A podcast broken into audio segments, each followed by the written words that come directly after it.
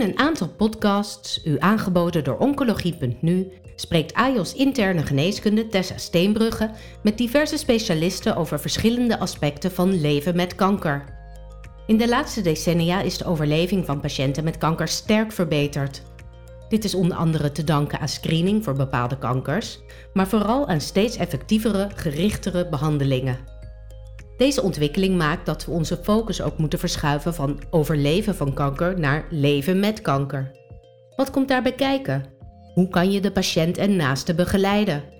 In deze podcastserie over leven met kanker spreekt Tessa Steenbrugge met Marie-Jeanne Franke-Peters en Marije van der Lee over wat het Helen Dowling Instituut kan betekenen voor patiënten met kanker en naasten en wat zij nog meer willen bereiken.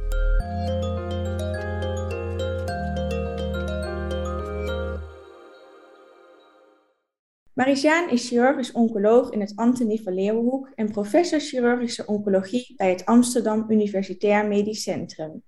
Daarnaast is zij voorzitter van de NABON en naast vele andere functies sinds 2021 ook lid van de Raad van Toezicht van het Helen Dowling Instituut, wat zich richt op de psychologische zorg bij kanker.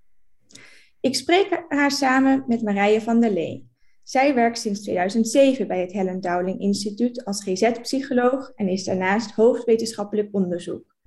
In 2020 is zij benoemd tot bijzonder hoogleraar bij de Universiteit van Tilburg, waar zij vijf jaar de leerstoel Wat werkt voor wie in de psycho-oncologie bekleedt. Welkom allebei. Marije, ik begin bij jou. Het Helen Dowling Instituut is misschien niet bij iedereen goed bekend, Kun jij kort voor ons samenvatten wat het Helen Dowling Instituut doet? Ja, dat kan ik, Tessa. Dankjewel. Het Helen Dowling Instituut is een GGZ-instelling en wij zijn er speciaal voor iedereen die door confrontatie met kanker in de psychische problemen komt en daar zelf niet uitkomt. Ehm, daarvoor bieden wij uh, psychologische behandelingen om mensen eigenlijk weer te helpen om hun leven weer op te kunnen pakken. Ja, heel mooi. En dat gaat dus over patiënten en naasten. Ja, en een goede toevoeging dat dat inderdaad ook voor de naaste is. En ik heb begrepen dat met jouw leerstoel je de behandeling nog persoonlijker probeert te maken voor de patiënten en de naasten. Dat klopt. Marijaan, een heel eervolle functie lijkt me om als raad van toezicht van dit instituut uh, te zijn gekozen. Hoe ben jij hier terechtgekomen? Ja, en, ook dank Tessa en dank voor deze uitnodiging. Um, zeker eervol. Um, een collega van mij, collega chirurg uit Arnhem, Jeroen Ruter, was mijn voorganger. En hij had eigenlijk al ontzettend veel bereikt met het uh, eh, HDI en uh, vroeg mij om, dat, uh, om zijn functie over te nemen. en daar heb ik niet zo lang over na hoeven te denken. Nee, zeker eervol om te doen. En hoop, hoop iets te kunnen um, mee betekenen, zeg maar. En dat is inderdaad meteen mijn volgende vraag. Wat hoop jij dat je komende jaren met het Helen Dowling Instituut kunt bereiken of bijdragen? Ja, nou, wat ik zelf natuurlijk merk, ik behandel patiënten met borstkanker en um, wij zijn in het ziekenhuis toch heel veel gericht op echt die, de diagnostiek en de behandeling. En de hele begeleiding daaromheen, daar zijn wel dingen voor ingericht, maar om dat op maat te doen, is nog best wel lastig. En het Helen Downing Instituut heeft daar een supermooi programma, inclusief onderzoeksprogramma voor. Um, waarbij mijn streef natuurlijk is, wat precies overeenkomt met dat van het HDI zelf, om dat voor iedereen toegankelijk te maken. Um, en daar zijn we denk ik ook heel druk mee bezig. Um, er is een heel mooi programma um, geschreven samen met KWF om het aantal locaties te kunnen gaan uitbreiden, zodat we toegankelijk kunnen zijn voor meer, uh, meer mensen. Um, waarbij de eerste alweer geopend wordt 1 september in Utrecht, een nieuwe locatie. Maar er staan, staat ook nog een locatie in Amsterdam op de rit. En zo gaan we in de komende vier, vijf jaar um, echt qua locaties uitbreiden. En dat is allemaal aan um, het Helen Dowling Instituut zelf. Um, ja, hoe zij dat geïnitieerd hebben. En ik kan daar alleen maar als raad van toezicht ja, dat, dat, beamen dat het nodig is en dat het dus uh, vanuit de patiënten heel gewenst is en dat het heel fijn is dat zij zo vooruitstrevend bezig zijn. Laten we het dan hebben over het onderzoek wat momenteel plaatsvindt in het Helen Dowling Instituut. Marije, een van de onderzoeken focust zich op patiënten met uitgezaaid melanoom of longkanker die een behandeling met immuuntherapie of doelgerichte therapie hebben gekregen. Uh, en hoe zij na succesvolle behandeling de draad van hun leven weer kunnen oppakken. Kun jij ons hier iets meer over vertellen? De IMPRES-studie is dat volgens mij. Ja, klopt. Dat heet de IMPRES-studie. En uh, deze groep mensen die dus uh, voorheen eigenlijk een, ja, de boodschap hebben gekregen van dat ze niet meer te genezen zijn. Um, en waar voorheen ook niet zoveel behandeling voor mogelijk was, die hebben nu in principe eigenlijk heel goed nieuws, omdat die immuuntherapie of doelgerichte therapie heel goed aan kunnen slaan. Dat is nog niet bij iedereen zo. Um, maar bij sommigen zelf echt zo goed aanstaan dat ze jaren uh, leven erbij krijgen. Alleen het is psychologisch heel ingewikkeld als je eigenlijk al ja, vaak een soort jezelf verzoend hebt met het einde van het leven. En dat je denkt van nou, ik ga aan deze ziekte overlijden. En dan krijg je toch ineens een nieuw perspectief. Maar wel vol onzekerheid. Uh, want ook die bijwerkingen die kunnen heel uh, heftig zijn. Um, dus ze weten wel dat ze meer tijd van leven krijgen, maar ze weten niet hoe lang. Dus je moet je leven inrichten zonder dat je weet van ja, um, hoe zal het volgend jaar voor mij zijn. En uh, wij probeerden iedereen eigenlijk altijd weer te zoeken bij mensen van waar zit hun veerkracht? Hoe kunnen we ze zo versterken dat ze weer verder kunnen met de problemen die nog op hun pad komen? En bij deze groep is dat natuurlijk nog een extra uitdaging. Dus de Impress Study die kijkt, hoe behouden mensen in deze situatie hun veerkracht? En veerkracht wordt dan niet gezien als een persoonlijke eigenschap, maar iets wat je ook kan ontwikkelen. Dus door te leren van andere mensen hoe zij hun veerkracht op peil houden, willen we dat ook weer aan anderen leren. En kun je ons iets vertellen over de resultaten van de eerste patiënten? Hoe gaat het? Nou, wat we, waar we mee begonnen zijn, is echt met mensen interviewen over uh, hoe zij ervaren om in deze situatie te zitten. En daar is de promovenda Laura Zwanenburg een eerste artikel over aan het schrijven. En dat gaat echt over dat ze uh, een soort twilight zone zitten van ze horen eigenlijk niet meer zo bij de helemaal bij de patiëntengroep, maar ze horen ook niet helemaal bij de genezen groep. Het is voor onszelf lastig te begrijpen, het is voor de omgeving ook lastig te begrijpen. Dus dat is een van de stressbronnen. En nu zijn we net begonnen met, uh, zij krijgen dan dagelijkse metingen van hoe ze met stressoren in hun leven omgaan, om te onderzoeken van wat maakt dan dat ze hun veerkracht kunnen vergroten. En waarschijnlijk, uh, nou, een van de dingen die we, in ieder geval, een heleboel dingen weten we nog niet, dus daarom doen we dat onderzoek natuurlijk ook. Maar we verwachten bijvoorbeeld wel dat als mensen bepaalde dingen kunnen accepteren, dat dat helpt om weer verder te gaan. En ook wel wat uit onderzoek komt, is dat het doen van uh, ja, dingen die je belangrijk vindt, dus als je er ergens betekenis in vindt en daar een positief gevoel bij hebt, dat helpt je ook om met tegenslagen om te gaan. Dus het gaat niet zozeer alleen over hoe hoe help je jezelf uit de problemen, maar ook ja, hoe maak je je leven zinvol en uh, ja, wanneer ervaar je positieve gevoelens. Ja, een dubbel effect eigenlijk. Mm. Ja. Jij ziet voornamelijk patiënten met borstkanker. Uh, herken jij dit en binnen het AVL en hoe ervaar jij de begeleiding van patiënten? Ja, ik denk dat je hierbij misschien wel een beetje de parallel kan trekken met bijvoorbeeld vrouwen die beginnen met een, ehm, een, een grote tumor met heel veel okselklieren bijvoorbeeld. En waarbij we dan niet als eerste een operatie doen, maar als eerste voorbehandelen. En als dan door die voorbehandeling met chemo of inderdaad ook een targeted therapie, als die voorbehandeling blijkt dat, uh, zodanig te werken dat je tumor bijvoorbeeld zelfs helemaal weg is. Wat bij bepaalde vormen van borstkanker ook echt kan gebeuren, zelfs tot 80%. Dan is dat ook een hele, heel, ja, soort van lastige situatie. Vervolgens krijgen ze wel nog natuurlijk een operatie en bestraling, want die dingen qua behandeling durven we echt nog niet weg te laten. En dan heb je een beetje hetzelfde dat je met een heel ander scenario begon. Dat wordt er behandeld, heeft heel goed gewerkt. Maar wat doet dat allemaal met je? En wat doet dat uh, inderdaad ook helemaal met de veerkracht? Um, waarbij het soms natuurlijk dan aan de ene kant makkelijk is te zeggen van jeetje, echt super goed geholpen deze voorbehandeling. Het is helemaal weg. En Dus weer een hele goede prognose. En, maar makkelijker gezegd dan vervolgens voor die vrouw um, daarmee om te gaan. Want dat, dat gaat dan echt een beetje van de ene naar de andere kant. En hoe flexibel ben je daarin? En hoe krijg je ook in zo'n situatie je, je, je leven weer op de rit? Absoluut. Dat, ik denk dat je, dat, dat je um, nou ja, ook daarbij. Um, een beetje afhankelijk denk van de persoonlijkheid van een, een vrouw, maar um, goede begeleiding kan vele vrouwen helpen, denk ik, bij dat traject. Ja, absoluut. Een ander belangrijk thema waar patiënten tijdens en ook na de behandeling van kanker veel tegenaan lopen, is angst voor het terugkeer van de ziekte. Uh, Marije, weten we wat zinvolle behandelingen of copingstrategieën zijn voor deze ja, zeer begrijpelijke angst van patiënten?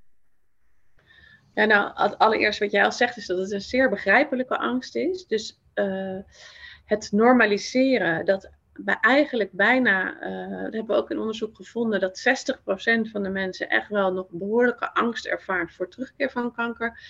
Uh, dat is al een belangrijke eerste stap. Dus dat het normaal is en dat het er ook bij hoort. En angst moet ook niet helemaal weg, want je moet ook een beetje alert blijven. Alleen soms is die angst zo sterk dat het je dagelijks leven in de weg gaat staan. En uh, nou ja, dan is het ook weer kijken naar wat werkt het beste voor wie. Hè? Dus voor sommige mensen, en zeker voor in de periode dat je vlak voor een scan zit, dan helpt het vaak om echt wel gewoon afleiding te zoeken en andere dingen te doen, naar buiten te gaan, te bewegen. Uh, voor sommige mensen helpt het heel goed om steun te zoeken bij andere mensen. En, en je zou misschien denken dat mensen dat makkelijk doen, maar sommige mensen vragen bijvoorbeeld helemaal geen steun. Uh, en dat kan echt wel helpen. Um, soms is het ook zo dat, uh, dat een goed gesprek met de medisch specialist of met de huisarts van waar moet ik op letten? En als ik bang ben, waar, met welke klachten kan ik bijvoorbeeld best twee weken wachten voordat ik een afspraak met de huisarts maak? Dat kan soms ook wat rust geven. Dus als je iets merkt en je gaat piekeren, dan blijf je daar continu mee bezig. Terwijl je best kan denken van, nou, ik heb pijn in mijn arm, wat betekent dat? Uh, is er een andere verklaring voor? Ja, het zou ook spierpijn kunnen zijn. Ik heb net de gordijnen opgehangen gisteren dat zou over een week wel beter moeten zijn. Dus dan zet je over een week in je agenda, uh, hoe is het met de pijn in mijn arm?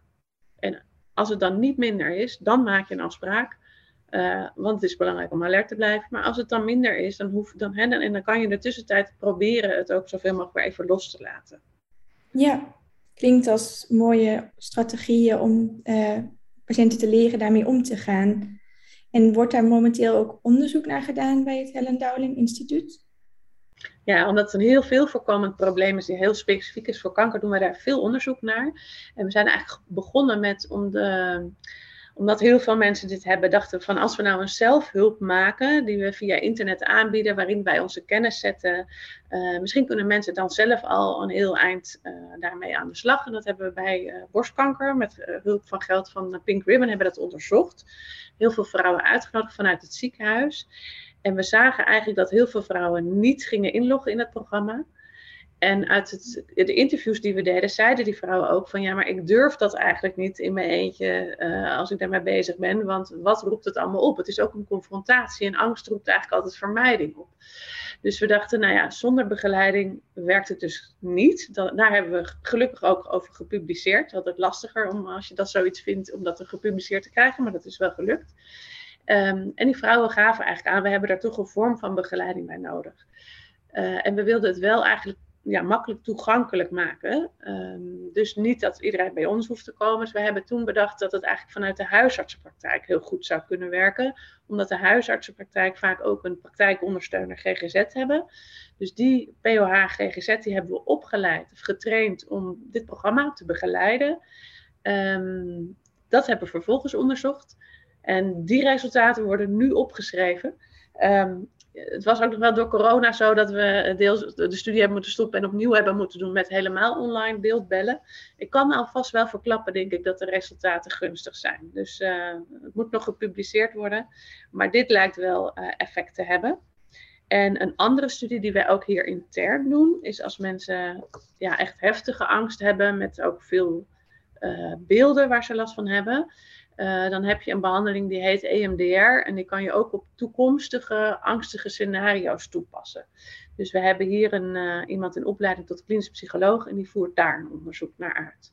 En ook die resultaten is ze nu aan het opschrijven. En het klinkt ook of de resultaten van het eerste onderzoek de zorg ook weer breder toegankelijk maken voor veel patiënten. Ja, de bedoeling is dat we dat. Uh, we hebben dat nu in de regio Utrecht vooral gedaan. En uh, Marijanne vertelde al over ons plan voor landelijke dekking. Dus we willen ook bij de nieuwe locaties, daar de huisarts en de POH GGZ, een opleiding of een training aanbieden bij dit programma. Ehm, en dat verder te implementeren. Ja. En hoe nemen jullie de naaste van de patiënt mee in dit traject of in ander? Nou, sowieso kunnen naasten die vastlopen, want ja, naasten zijn soms erg gericht juist op de patiënt, en, maar kunnen daar zelf ook in vastlopen.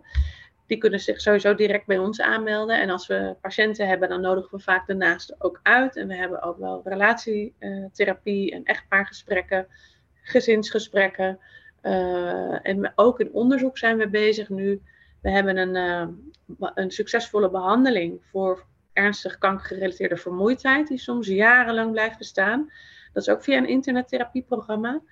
Uh, en we weten uit een onderzoek in Groningen dat de partner ook invloed heeft op die vermoeidheid.